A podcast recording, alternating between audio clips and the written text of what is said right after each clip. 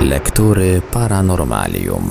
Dziś w Radiu Paranormalium rozpoczynamy prezentację książki Olgierda Wołczka Człowiek i tamci z kosmosu, wydanej w 1983 roku. Jest to niezwykła książka poświęcona kosmosowi, planecie Ziemia, człowiekowi oraz obcym. Książkę na naszej antenie prezentujemy w odcinkach w całości.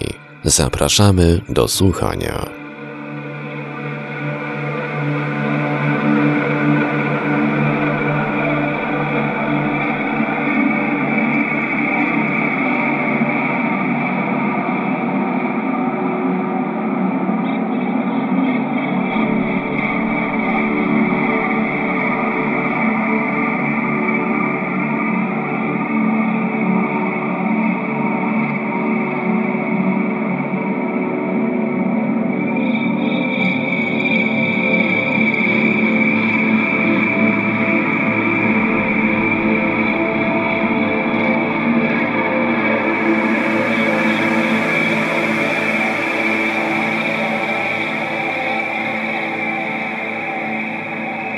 Wydawcy.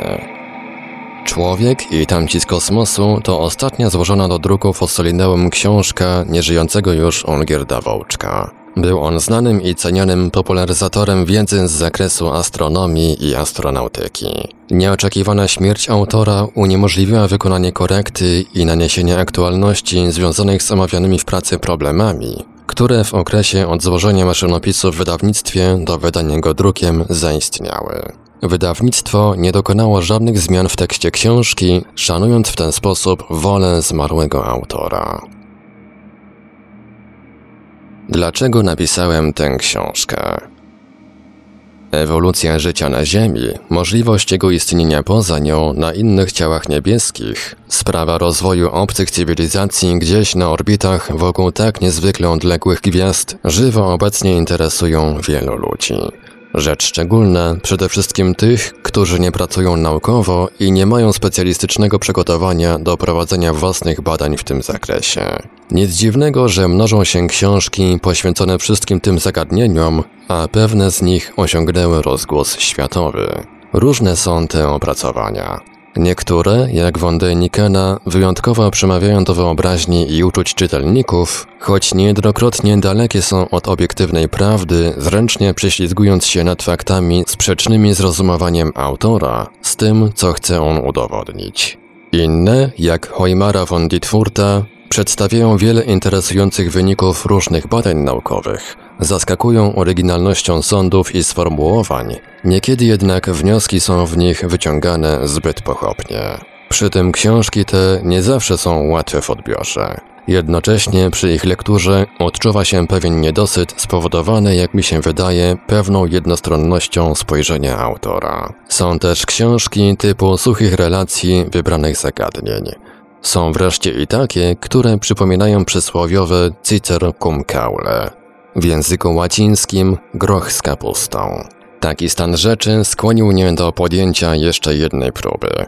Dokonania tym razem wielkiej syntezy z uwzględnieniem ostatnich wyników badań naukowych. Sądziłem, że synteza taka, jako punkt wyjścia, powinna przyjąć rozwój życia na Ziemi. Jego wynikiem było powstanie człowieka, lecz jest to dopiero początek historii. Należało więc ukazać prawdopodobne przyszłe losy ludzkości wychodzącej w otwarte, nieskończone środowisko kosmiczne. Należało podkreślić zaniedbywane przez autorów tak ważne kosmiczne wpływy na rozwój życia i człowieka. Należało zaznajomić czytelników z pozaziemskimi światami Układu Słonecznego i na tle ich środowisk, ich krajobrazów przedstawić zagadnienie możliwości i niemożliwości powstania tam życia. System słoneczny jest jednak tylko niezwykle drobnym, pomimo że ważnym fragmentem galaktyki, nie mówiąc już o całym wszechświecie. Dlatego uznałem za konieczne zajęcie się problemem podróży poza ten system, bez zagłębiania się wszakże w problemy techniczne. Chwila, w której nasza inżynieria dojrzeje do podjęcia takich ekspedycji, jest tak odległa w czasie, że nie sposób pokusić się o trafne przewidywanie szczegółów konstrukcji przyszłych statków międzygwiazdowych. Skoro już zdołaliśmy wyprawić się ku zawrotnie odległym, domniemanym planetom obcych słońc, wypadałoby się zająć tymi planetami, przypuszczalnymi warunkami panującymi na nich, prawdopodobnymi drogami rozwojowymi życia na tych ciałach i ewentualnymi inteligentnymi ich mieszkańcami. Tryb warunkowy jest tu jak najbardziej uzasadniony, ponieważ poruszamy się po gruncie niepewnym, korzystając nie z wyników bezpośrednich badań naukowych, ale z ekstrapolacji, której punktem wyjścia z konieczności jest jeden jedyny znany przypadek rozwoju życia na Ziemi, w gronie siedmiu czy ośmiu bezpórnych planet całego systemu okołogwiazdowego oraz powstania tu istot inteligentnych i ich cywilizacji naukowo-technicznej. Niestety nie znamy innego wyjścia z istniejącej sytuacji i część rozważań z natury rzeczy musi mieć charakter spekulacji. Dlatego, zwłaszcza tu, starając się o zachowanie poprawności toku myślenia, wielokrotnie nie stawiałem kropki nad i, stwarzając czytelnikowi okazję do własnych przemyśleń. Dotyczy to również rozdziału końcowego poświęconego hipotetycznemu człowiekowi galaktycznemu i Imperium Galacticum. Cała książka, mając charakter popularno-naukowy, odbiega swym stylem i sposobem przedstawienia zagadnień od tradycyjnej formy, którą nazwałbym podręcznikową. Śledząc od lat rozwój tego rodzaju literatury, doszedłem do przekonania, że nie naukowcom, a nawet nie specjalistom w danej dziedzinie wiedzy potrzebne są informacje przedstawione w postaci zbeletryzowanej. Tym bardziej, że po tego rodzaju lekturę sięga się, kiedy człowiek raczej jest zmęczony lub pragnie się oderwać od normalnego schematu swego dnia i mieć do czynienia z czymś łatwiej strawnym. Z tych właśnie powodów nadałem tej swojej książce postać jak najbardziej literacką. Na początku był wielki wybuch. Na początku był wielki wybuch. Eksplozja maleńkiego ziarenka zawierającego całą materię wszechświata, wręcz nieprawdopodobne, całkowicie fantastyczne, wydaje się myślą zupełnie szaloną. A jednak współczesne świadectwa nauki, wyniki obserwacji, badań doświadczalnych i dociekań teoretycznych coraz bardziej przemawiają za tym, że wraz z całym kosmosem poczęliśmy się w gigantycznej, zupełnie niewyobrażalnej eksplozji czegoś, co było prazalążkiem materii. Początkowo wydarzenia były zagęszczone w czasie, zmiany następowały szybko jedna za drugą w ułamkach ułamków sekundy. Z nieznanej nam i niepoznawalnej współczesnymi środkami rzeczywistości wyłoniła się materia, wpierw w postaci chaosu cząstek elementarnych. Było to rozbiegające się i kłębiące jednocześnie promieniowanie, strumienie cząstek materii i fotonów. Szaleństwo wybuchu i niezwykle gwałtownego rozdymiania kuli ognistej, którą on zrodził, trwało, jak się ocenia, około miliona czy niewiele milionów lat, a potem wszechświat się nadal rozprężał i zjawisko to trwa po dziś dzień. Jednak już po jakichś stu czy kilkuset tysiącach lat nastąpiła prawie całkowita rekombinacja cząstek materii w atomy. A gdy przeminął ów pierwszy milion czy miliony lat, z rozrzedzonej substancji kosmicznej zaczęły powstawać galaktyki i gwiazdy i powstają po dziś dzień i będą powstawać, gdy nas, żyjących obecnie na Ziemi, już dawno nie będzie. Z materią stykamy się co dzień. Z niej zbudowane są nasze ciała, wytwory naszych rąk i cały otaczający nas świat. A przecież przedziwna jest ta materia. Tylko na pozór zwykła i pospolita. Jest to rzeczywistość obdarzona niesłychaną dynamiką w każdej skali, od najmniejszych dostrzeganych przez nas fragmentów tworzących cząstki elementarne, aż po największe okłady mnóstwa galaktyk. Materia żyje, zmienia się. Nigdy nie pozostaje taka sama jak przed chwilą, przed ułamkiem chwili przekształca się w wiecznym ruchu, nieustannie zmienia formę jak potok biegnący od źródła do nisiny. Lecz bieg ten nie jest chaotyczny, odbywa się w pewien uporządkowany sposób.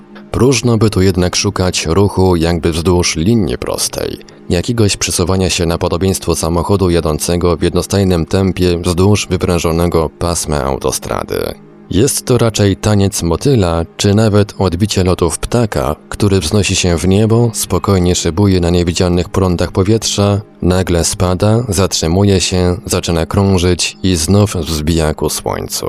Przyszłość fragmentów materii jest uzależniona od innych otaczających je części, nie tylko zresztą pobliskich, lecz nawet tych dalekich. Jednocześnie jednak istotne elementy tej przyszłości są zapisane w samych fragmentach. Kiedy przed kilkunastu miliardami lat eksplodował niewyobrażalnie sprężony praatom pramaterii, w tym, co go tworzyło, utrwalone było powstanie gwiazd i galaktyk, planet i życia. Przyszłość jest w jakiś przedziwny sposób wyryta w każdej materii i skoro tylko znajdzie się ona w odpowiednich warunkach, spełniają się wyznaczone jej losy, zgodnie z prawami, które istniały już, gdy następował wielki wybuch. Nie było wtedy jeszcze przestrzeni i czasu. Narodziły się w jednym błysku i wtedy zaczęły się realizować prawa istniejące w nagle rozwijającej się materii. Pierwsze gwiazdy były inne niż dzisiejsze. Zbudowane z wodoru z domieszką helu, ale pozbawione pozostałych pierwiastków. Bardzo proste w składzie i zupełnie jałowe. Jeśli wokół tych słońc tworzyły się planety, były to ich miniaturowe w porównaniu z gwiazdami wersje. Nie rozpalały tych planet reakcje termojądrowe, bo uniemożliwiały to zbyt małe rozmiary ciał, które stały się jednak pod wpływem skurczu grawitacyjnego gorące.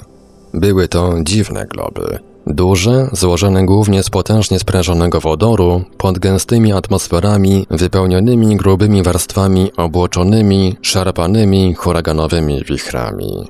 To nie tu materia mogła wznieść się na szczebel życia, ale przecież nigdy w pierwszym wysiłku nie można osiągnąć wyniosłego szczytu. Trzeba wdzierać się, cofać, zmieniać nie tylko fakty, ale i strategie, przebierać nowe formy i doskonalić, zanim pokona się decydujący odcinek drogi. Materia skupiała się i rozszerzała, gwiazdy rozpalały się, płonęły i przygasały. Jednocześnie pojawiały się w nich coraz to nowe ilości tego osobliwego pierwiastka, jakim jest węgiel, zdolnego do tworzenia tak niezwykle różnorodnych i licznych połączeń. Powstawanie węgla jest pewną szczególną własnością, ale i darem natury ze wszechmiar pożądanym. We wnętrzu słońc, w najprostszych warunkach reakcji termojądrowych, jądra wodorowe jednoczą się w masywniejsze od nich jądra helowe. Wskutek wyczerpywania się surowca, wodoru, strefa reakcji zaczyna w końcu przesuwać się ku powierzchni gwiazd, a w ich wnętrzu gromadzi się coraz więcej helu. Kiedy rozmiary rdzenia helowego stają się dostatecznie duże, jego temperatura osiąga tak wielkie wartości, że z materiału tego tworzą się masowo jądra węgla. Proces taki jest ogromnie ułatwiony dzięki specyficznym własnościom tego jądra. Wraz z materią gwiazdową węgiel wydostaje się w przestrzeń kosmiczną, gdzie w nadzwyczaj rozległych obłokach gazowo-pyłowych łączy się z innymi pierwiastkami wodorem, tlenem, azotem w proste, a potem bardziej skomplikowane cząsteczki. Tak to już przed wielu miliardami lat zimne chmury materii mgławicowej stały się inkubatorami wielu połączeń organicznych, powstających tu zupełnie bez współdziałania żywej materii, której wówczas jeszcze we wszechświecie nie było. Tymczasem niektóre z gwiazd, zbyt wielkie, w toku ewolucji przekraczały próg stabilności i wybuchały jako supernowe, a w tym gwałtownym paroksyzmie, dzięki obecności w nich węgla, rodziły się złożone pierwiastki, metale, których wcześniej we wszechświecie nie było. Nawet te najcięższe, o najmasywniejszych jądrach, takie jak uran i transurany. Tak to budulec i treść kosmosu ulegał wzbogaceniu w nowe odmiany i włączony do ogólnego obiegu wchodził w skład nowo powstających słońc, w skład tworzących się wokół nich planet. Kiedy jednak wreszcie pojawiło się życie? Zrodzeni z ognia.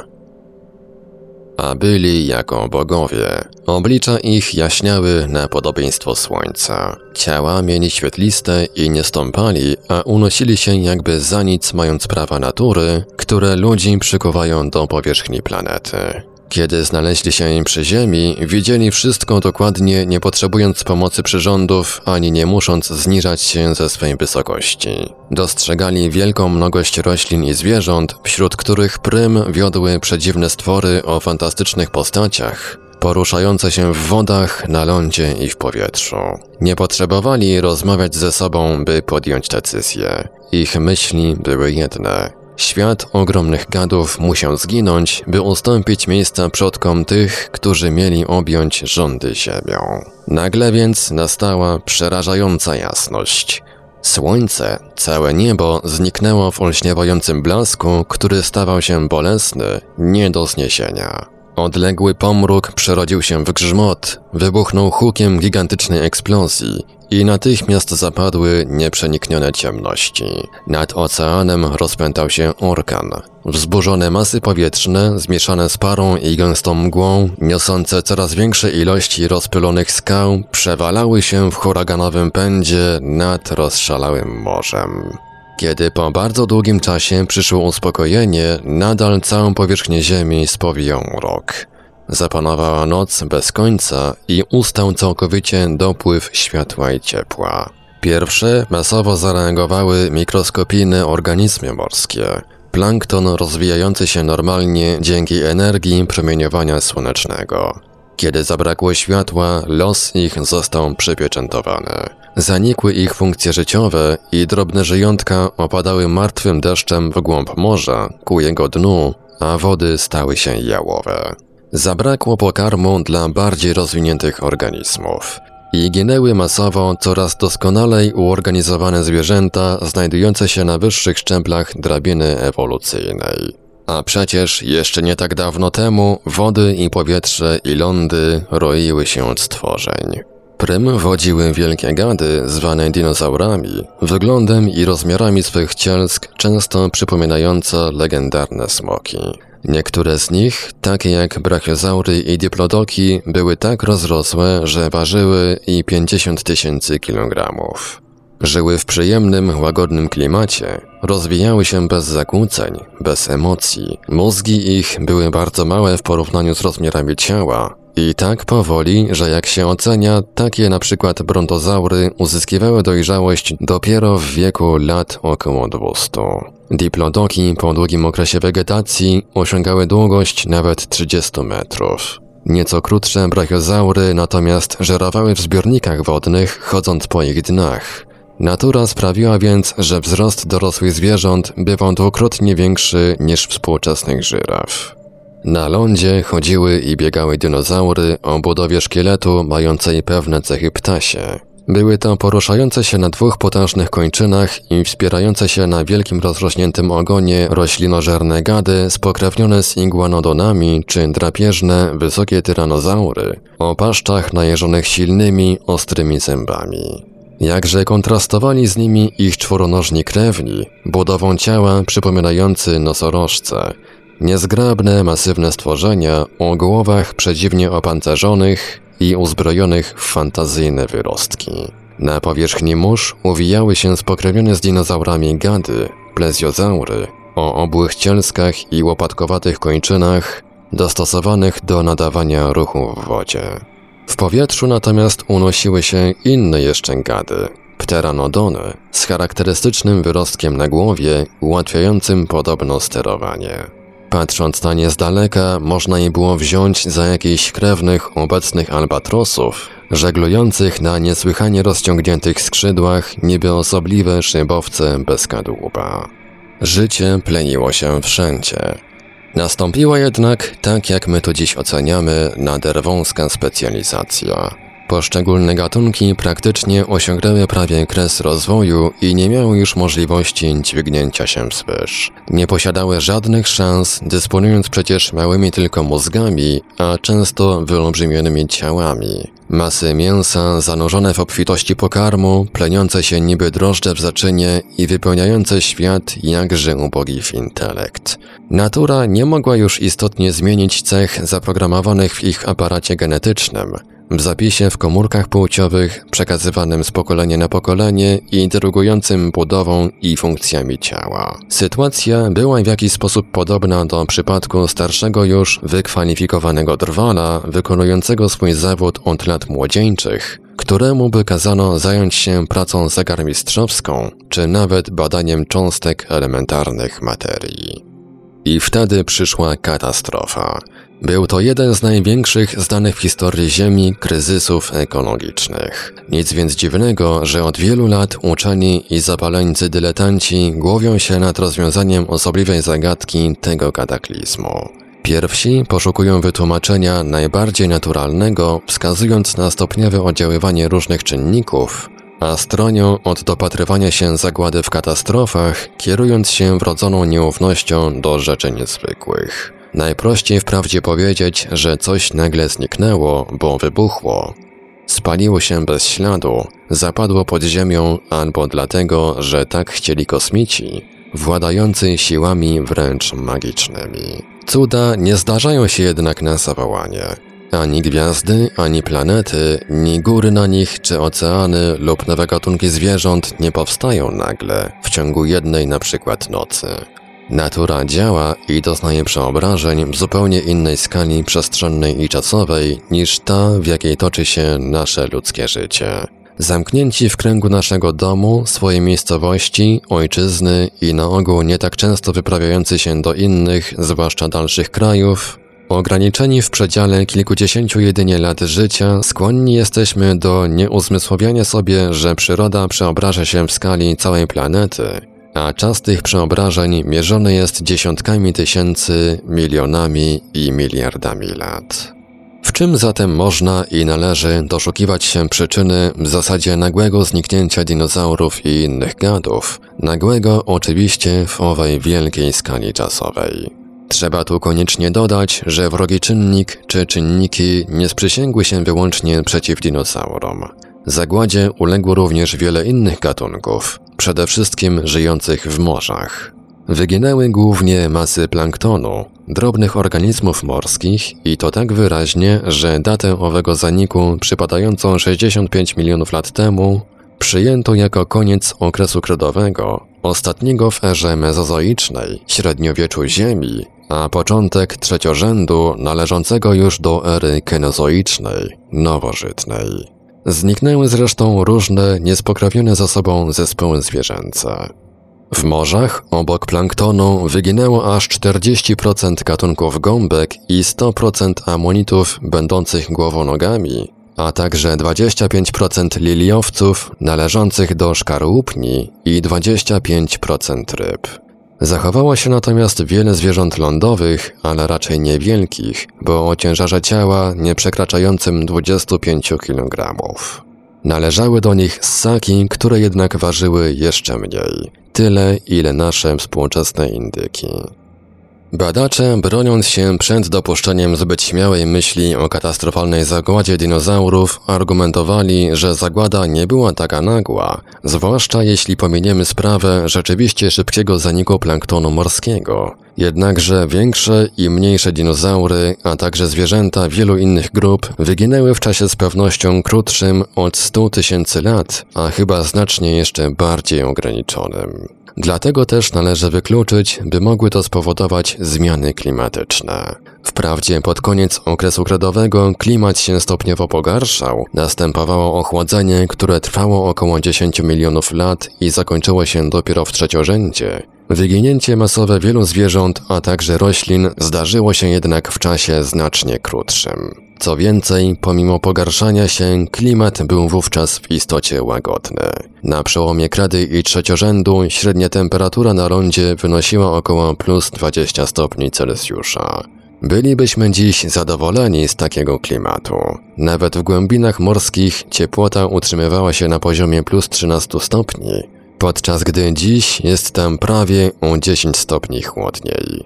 Tymczasem w Pleistocenie w ciągu ostatniego półtora miliona lat następowały kolejne okresy silnych zlodowaceń, a nie było wtedy żadnej masowej zagłady żywych organizmów. Pod koniec okresu kredowego pojawiły się na lądzie rośliny kwiatowe, a jeśli były kwiaty, był i pyłek. Wiemy wszyscy, jak niektórzy uczuleni ludzie cierpią na wiosnę, ulegając alergicznej dolegliwości znanej głównie pod nazwą gorączki siennej. Być może więc dinozaury padły wtedy po prostu ofiarą gigantycznie rozprzestrzenionej alergii, ginąc z powodu potwornego kataru i astmy. Jest to żartobliwa hipoteza, zaproponowana dla wykazania pewnej bezradności paleontologów, przez Roberta Dota z Uniwersytetu Wisconsin w Madison oraz Rogera Battena ze znanego amerykańskiego Muzeum Przyrodniczego w Nowym Jorku. Nikt oczywiście, łącznie z samymi autorami, nie bierze tego pomysłu poważnie. A może po prostu na Ziemię spadła kometa? Tym razem nie jest to żart. Hipotezę taką, trzeba przyznać dość niezwykłą, zaproponował w roku 1973 człowiek poważny, słynny uczony, odkrywca tzw. Tak ciężkiej wody, która kiedyś odegrała pewną rolę w wyzwoleniu energii jądrowej, a później wybitny planetolog profesor Harold Urey. Jądro komety jednak to kulista bryła brudnego lodu. Brudnego, bo zawiera on pewną ilość pyłu, o średnicy ocenianej przeciętnie na kilka kilometrów. Znamy jeden dość prawdopodobny przypadek runięcia takiego jądra na Ziemię. Był to słynny meteoryt tunguski. Wtedy jednak, jak się ocenia, wskutek ogromnego nagrzania powierzchniowych warstw ciała i powstałych nadzwyczaj wielkich naprężeń mechanicznych, obiekt taki eksplodował na wysokości gdzieś 7 czy 10 kilometrów nad powierzchnią Ziemi. Wybuch powalił taigę na obszarze o rozmiarach kilkudziesięciu kilometrów, Pył rozproszył się głównie w atmosferze, powodując przez lata piękne zorze o wschodzie i zachodzie słońca, a woda jądra kometarnego wyparowała. Nie było jednak ani ochłodzenia klimatu, ani tym bardziej żadnej katastrofy ekologicznej. Gdyby nawet kometa była wyraźnie większa od tunguskiej, skutki jej spadku nie byłyby aż takie, by wytrzebić dinozaury i dać się tak poważnie we znaki całej biosferze naszej planety. Także i wówczas, gdyby na powierzchnię Ziemi spadł deszcz zawierający cyjanowodór i jego pochodne, występujące zawsze w pewnych ilościach w materiale jądra komety. Lokalne stężenie tych połączeń z natury rzeczy musi być wówczas niewielkie. Po spadku meteorytu tunguskiego nie stwierdzono też w przyrodzie Syberii żadnych szkód mogących pochodzić od związków cyjanowych. Jest to oczywiste, bo nie było ich na Ziemi również w roku 1910, kiedy nasza planeta zanurzyła się w warkoczu słynnej komety Haleja. Hipoteza spadku ciała kosmicznego przed 65 milionami lat odżyła w roku 1979.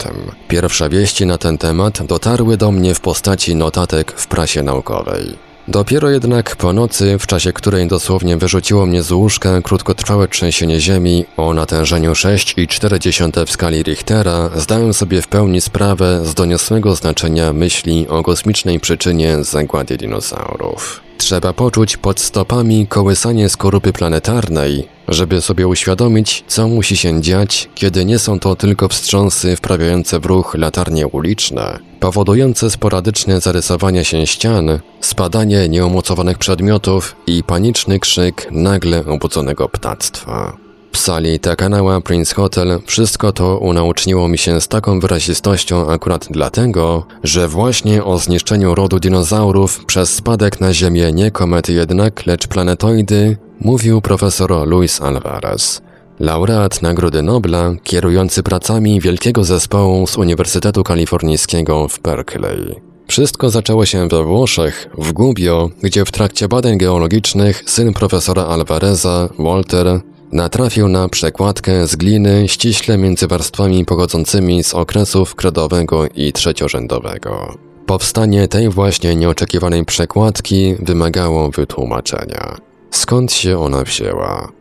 Ponieważ na początku trzeciorzędu brak było planktonu, tak obficie występującego w kredzie, profesor Alvarez postanowił zbadać jego losy w owym krótkim, w geologicznej skali czasie pomiędzy obu okresami. W tym celu należało stwierdzić częstość występowania szkielecików organizmów, które wchodziły w skład planktonu we wspomnianej przekładce gliny. Profesor Alvarez, stosując precyzyjne metody współczesnej analizy chemicznej, sądził, że w ten sposób wyznaczy szybkość gromadzenia się owych szkielecików opadających kiedyś na morskie dno, a zatem i szybkość tworzenia się gliniastego osadu. Jego powstawaniu towarzyszy wsiewanie się weń deszczu mikrokulek pochodzących z pyłu kosmicznego, nieustannie wpadającego w atmosferę Ziemi. Profesor Alvarez uważał, że wyznaczając zawartość charakterystycznych składników mikrokulek w poszczególnych warstewkach gliny, stwierdzi, jakie było tempo nawarstwiania jej przykładki. Wybrał iryt, Szlachetny metal z grupy platynowców, odznaczający się nawiasem mówiąc największą gęstością i ciężarem właściwym ze wszystkich pierwiastków i tak wielką twardością, że zastosowano go powszechnie w czubkach wiecznych piór i w ostrzach żyletek. Oczywiście ten iryt czerpie się z ziemskich surowców. W materiałach meteoretycznych występuje on w znikomych stężeniach, ale jednak wyraźnie większych niż w skałach ziemskich i dlatego jest on bardziej dobrym znacznikiem wskazującym na kosmiczne pochodzenie. Trzeba teraz wyobrazić sobie miny badaczy analizujących glinę z pogranicza kredy i trzeciorzędu wydobytą w Kubio. Natrafili na coś podejrzanego. Gliniasta przekładka zawierała 30-krotnie więcej irydu niż sąsiadujące z nią warstwy. Nic nie pomogło niedowiarstwo. Powtarzane wielokrotnie badania potwierdzały pierwotny, zaskakujący wynik. Tworzeniu się warstwy gliny towarzyszyło wydatne zwiększenie ilości spadającej wówczas na Ziemię materii kosmicznej. I było to zjawisko ogólnoplanetarne. W różnych miejscach naszego globu znajdują się gliniaste przekładki z tego samego okresu. Materiał pochodzący z okolic duńskiego Heyrup Church zawiera aż 200 razy więcej irydu niż skały z nim sąsiadujące. Znaczny nadmiar tego platynowca występuje również w odpowiedniej warstwie rdzeni wydobytych w czasie głębokich wierceń z dna morskiego na Pacyfiku, a także w przekładkach z Holandii, Hiszpanii i Stanów Zjednoczonych. U schyłku kredy nadszedł więc ten sądny dzień. Objawił się uderzeniem kosmicznego młota z kamienia o średnicy ocenianej na mniej więcej 10 km, a więc o rozmiarach większego miasta. Cios musiał wybić w skorupie Ziemi otwór znacznie rozleglejszy. Mówi się o kraterze mającym średnicę prawie 180 kilometrów. Gdyby więc planetoida spadła w połowie drogi między Warszawą a Kielcami, powstałaby jama zwana przez specjalistów astroblemem, która wchłonęłaby również oba te miasta. Kiedy przyjrzeć się powierzchni naszej planety z pokładu wysoko lecącego samolotu, a jeszcze lepiej ze stacji kosmicznej lub przez okno wahadłowca, można dostrzec tu i ówdzie koliste struktury pozostałe po dawnym bombardowaniu przez ciała z dalekiej przestrzeni. Należy do nich słynny krater Baringera w Arizonie o rozmiarach tylko niewiele ponad 1 km, pochodzący sprzed zaledwie 20 tysięcy lat. Należy też południowoafrykański pierścień Wredefort, którego strefa deformacji, a więc wyraźnie zaburzonej struktury skał, ma obecnie rozmiary 200 kilometrów. Pod tym względem więc byłby to kandydat na świadka wydarzeń z przełomu krady i trzeciorzędu. Ma on jednak dwa zasadnicze mankamenty. Pierwotny krater mógł mieć średnicę nie większą niż około 50 kilometrów. Przede wszystkim jednak powstał gdzieś 250 milionów lat temu, a więc jeszcze w Permie, na wiele dziesiątków milionów lat wcześniej, zanim na naszej planecie w ogóle pojawiły się dinozaury. W istocie nigdzie na żadnym kontynencie nie można było znaleźć nie tylko dostatecznie dużego, ale i w ogóle ani jednego astroblemu pochodzącego z przełomu kredy i trzeciorzędu. Zrodziło się stąd podejrzenie, że spadek fatalnej planetoidy nastąpił na morzu, a astroblem powstał po prostu na jego dnie i dlatego też dotąd nie został wykryty. Wbrew pozorom, że woda musiałaby złagodzić skutki katastrofy, było to coś znacznie gorszego niż uderzenie kamiennego ciała kosmicznego w twardy ląd. Rozpalona ogromna bryła z potwornym hukiem przebiła kilkukilometrową warstwę morza i rozdarła monumentalnie cienką skorupę planetarną. Przez prawie 200-kilometrowy otwór wybuchła znajdująca się tam pod wielkim ciśnieniem rozpalona magma. Zetknięcie ognia i wody musiało wstrząsnąć całą Ziemią. Kiedy 100 lat temu, w roku 1883, wybuchł wulkan Krakatału na jednej z wysp w cieśninie sundajskiej, a przez jego rozwaloną ścianę wlała się woda oceaniczna, po prostu wyleciał on w powietrze. Było to wydarzenie raczej drobne w porównaniu z katastrofą z pogranicza Krady i Trzeciorzędu. A przecież huk eksplozji Krakatału dotarł do odległej o ponad 4000 km Australii, a olbrzymia chmura popiołu wulkanicznego wzbiła się aż w stratosferę i okrążyła Ziemię w ciągu zaledwie 13 dni. Wybuch wytworzył ogromną falę morską o wysokości do 36 metrów, która obiegła połowę kuli ziemskiej. Wdarłszy się daleko w głąb Jawy i Sumatry, fala ta zmiotła prawie 40 tysięcy ludzi. Kataklizmowi sprzed 65 milionów lat towarzyszyły nieporównanie groźniejsze skutki. Ocean zawrzał na obszarze o rozmiarach setek kilometrów, a kolumna pary wzbiła się natychmiast wysoko w atmosferę, porywając za sobą nieprawdopodobne ilości rozpylonej materii skalnej, 100 razy większe od masy samej planetoidy. Liczby te są tak ogromne, że wyobraźnia nie nadąża za nimi. Objętość odparowanej niesłychanie gwałtownie wody morskiej można ocenić na 800 tysięcy kilometrów sześciennych. Gdyby pokryć nią całą powierzchnię Polski, zatonąłby w tym żywiole nawet 2,5-kilometrowy wierzchołek rysów. Natomiast masa rozpylonego materiału skalnego wynosiła co najmniej setki bilionów ton. Gdyby więc spadła na nasz kraj, osiadłaby na nim powłoką o grubości prawie dwóch kilometrów. Cała ta masa roztartych i częściowo odparowanych skał została wyrzucona w atmosferę i wytworzyła tam nieprzeniknioną dla świata oponę. Ziemię na lata spowił mrok. Niżej zaś w troposferze para wodna uległa kondensacji i powstała gruba, ogólnoświatowa warstwa chmur. Zjawiska te przebiegały z niezwykłą gwałtownością. Natychmiast po katastrofie zburzyły się niesłychanie wszystkie morza planety. W atmosferze rozszalały się nieznane nam dziś huragany, potworne trąby powietrzne i wodne. Zagłada zawisła nad wszystkim, co żyło. Nie sposób nawet wyrazić słowami to, co się wówczas działo. Wszystko było w ruchu gwałtownym i nieuporządkowanym. Ziemia i skały, woda i atmosfera, skłębione masy wszelkiej materii przewalały się po powierzchni globu. Rośliny smagane wzburzonymi żywiołami kładły się i były wyszarpywane z gleby, jeśli nie zdołały ich utrzymać rozgałęzione i dostatecznie silne korzenie. Zwierzęta szukały schronienia w załamaniach terenu, szczelinach i grotach. Najtragiczniejszy był los wielkich zwierząt, do których należały dinosaury. Ślady zachowane w materiale skał są bardzo skąpe i zapewne nie potrafimy ich jeszcze odczytywać. Może kiedyś, gdy głębiej sięgniemy w tajniki materii, odsłoni nam ona tajemnicę kataklizmu sprzed 65 milionów lat. Wszystko jednak wskazuje, że było to wydarzenie w kosmicznej skali czasu nagłe, nemezis, która dotknęła głównie organizmy morskie. Ofiarą katastrofy padły również rośliny, ale nierównomiernie. W zachodniej części Ameryki Północnej, zwłaszcza zaś na Alasce i w Kanadzie, a także w południowo-wschodniej Syberii, wyginęło być może aż 70 do 80% gatunków roślin.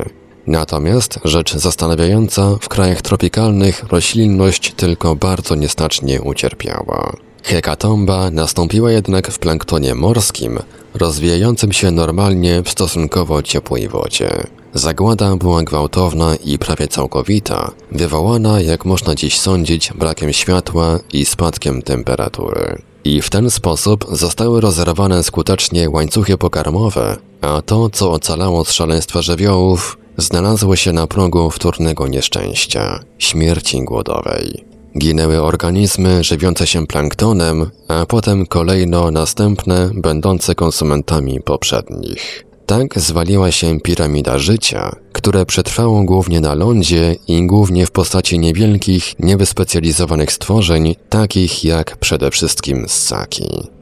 Są ludzie, którzy w całym tym gigantycznym wstrząsie ogólnoplanetarnym dopatrują się interwencji spoza Ziemi. Czyż nie istnieją obce cywilizacje? Bezmiar wszechświata, niezliczona ilość gwiazd, logika procesów rozwojowych materii kosmicznej przemawiają za mnogością planet, na których zrodziło się życie i powinny powstać inne istoty inteligentne. A jeśli tak, to niektóre z ich społeczności rozwinęły, musiały rozwinąć cywilizacje nieporównywalnie doskonalsze niż nasza. Kosmici owi poruszają się w niewyobrażalnie wielkich przestrzeniach międzygwiezdnych, z równą swobodą jak ludzie w powietrzu, podróżując do niezmiernie odległych systemów planetarnych, odwiedzają niejeden raz Układ Słoneczny, obserwują nas ukryci za zasłonami materii, korzystając z zadziwiających sposobów, jakie my może poznamy kiedyś w bardzo dalekiej przyszłości. Jesteśmy dla nich większymi dzikusami niż dla nas prymitywni papułasi z Nowej Gwinei, żyjący jeszcze głęboko w mrokach epoki kamiennej. Ci nieznani nam gwiezdni bracia opiekują się nami, nadzorują nasz rozwój. Stanowimy dla nich coś w rodzaju mieszkańców kosmicznego ogrodu zoologicznego, w którym mamy zapewnione kontrolowane istnienie, ale z którego nie potrafimy się wymknąć ograniczeni niedoskonałością naszego rozumu i umiejętności.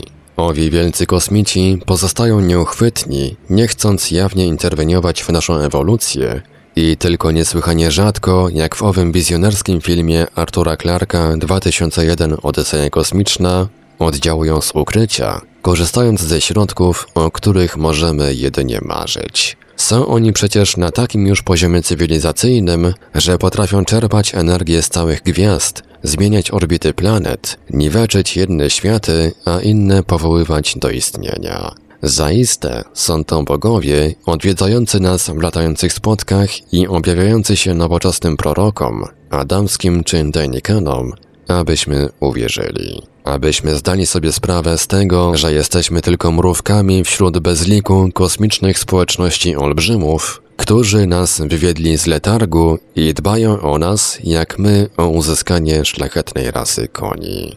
Czy nie było, nie jest w mocy owych kosmicznych bogów torowanie nam drogi wśród przeciwności materii? Katastrofy naturalne są przecież dziełem przypadku i skutki ich muszą być przypadkowe. W dziejach Ziemi niejednokrotnie zdarzały się kataklizmy w skali całej planety, a przecież w ich następstwie nie powstał chaos i rozprężenie, lecz przyroda dokonywała przeskoków w kolejne szczeble drabiny ewolucyjnej, tworząc coraz doskonalsze postacie, nie ulegając degeneracji i cofnięciu w rozwoju. Przytrafiło się to również na przełomie kredy i trzeciorzędu. Wielka zagłada utorowała drogę ssakom, które, podobnie jak dinozaury, powstały w późnym Triasie około 200 milionów lat temu, ale zaczęły się rozwijać lawinowo dopiero wtedy, gdy wielkie gady ginąc ustąpiły im miejsca. Prawda jest jednak inna. Nie potrzeba koniecznie interwencji nadistot. Przyroda sama nie zmierza do chaosu. XIX-wieczny pogląd faworyzujący myśl o narastaniu nieporządku w naturze stanowił wynik niewłaściwej interpretacji praw tej natury na gruncie termodynamiki klasycznej. Obserwuje się wprawdzie powszechną tendencję do wyrównywania i skłonność do rozpraszania. Na Ziemi i innych ciałach niebieskich góry i wzniesienia ulegają stopniowemu rozpadowi i starciu, przekształcając się w równiny, a gdy w końcu wygaśnie ciepło wewnętrzne globów, zanikają zjawiska wulkaniczne i tektoniczne. Siły przyrody niwelują powierzchnie planetarne. Gwiazdy trwają nieustannie swą energię w przestrzeni kosmicznej i gasną. Można by sądzić, że w końcu cały wszechświat powinien wypełnić się równomiernie rozproszonymi cząstkami, pyłem, gazem i rozsianym promieniowaniem, osiągając średnio bardzo niską temperaturę. Byłaby to po prostu śmierć cieplna. Tymczasem zagładzie jednych światów towarzyszą narodziny następnych. Wielkie gwiazdy w końcowym stadium swego rozwoju rozbłyskują jako supernowe. Gigantyczne ich eksplozje sprężają materię międzygwiezdną, z której powstają nowe gwiazdy.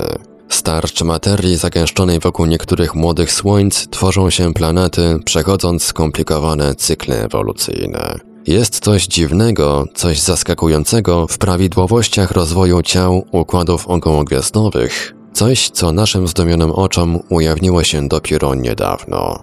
Natura non facit saltus, Powiedział XVII-wieczny filozof i matematyk niemiecki Gottfried Wilhelm Leibniz, nie wiedząc, że właśnie skokowość przemian jest czymś wrodzonym i nieodzownym. Skokowo jest pochłaniana energia w atomach i wyzwalana w postaci promieniowania. Skokowo przekształca się materia ze stanu gazowego w ciekły, z ciekłego w stały. Skokowo zmieniają się substancje, przechodząc przy odpowiednich zmianach temperatury i ciśnienia z jednej fazy w drugą. Skokowo następują zasadnicze przemiany ewolucyjne ciał niebieskich, pojawiają się nowe kategorie roślin i zwierząt. To jest i była droga rozwoju materii, dzięki któremu powstaliśmy. My, ludzie, nasze ciała, nasze mózgi. Początki drogi gubią się w mrokach czasu.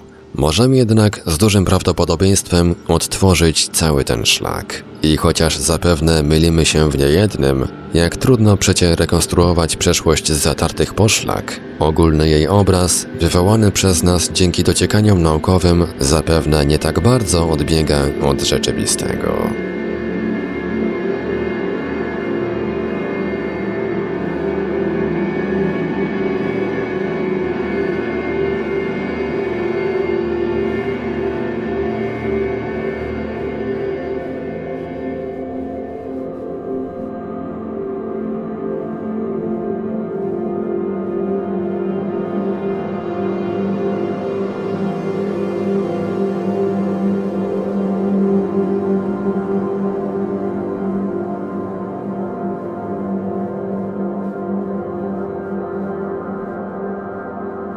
Radio Paranormalium zaprezentowaliśmy fragment książki Olgierda Wączka Człowiek i tamci z kosmosu, wydanej w roku 1983.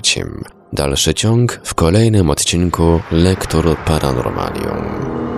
Archiwalne odcinki Lektur Paranormalium znajdziesz do pobrania w archiwum naszego radia na stronie www.paranormalium.pl.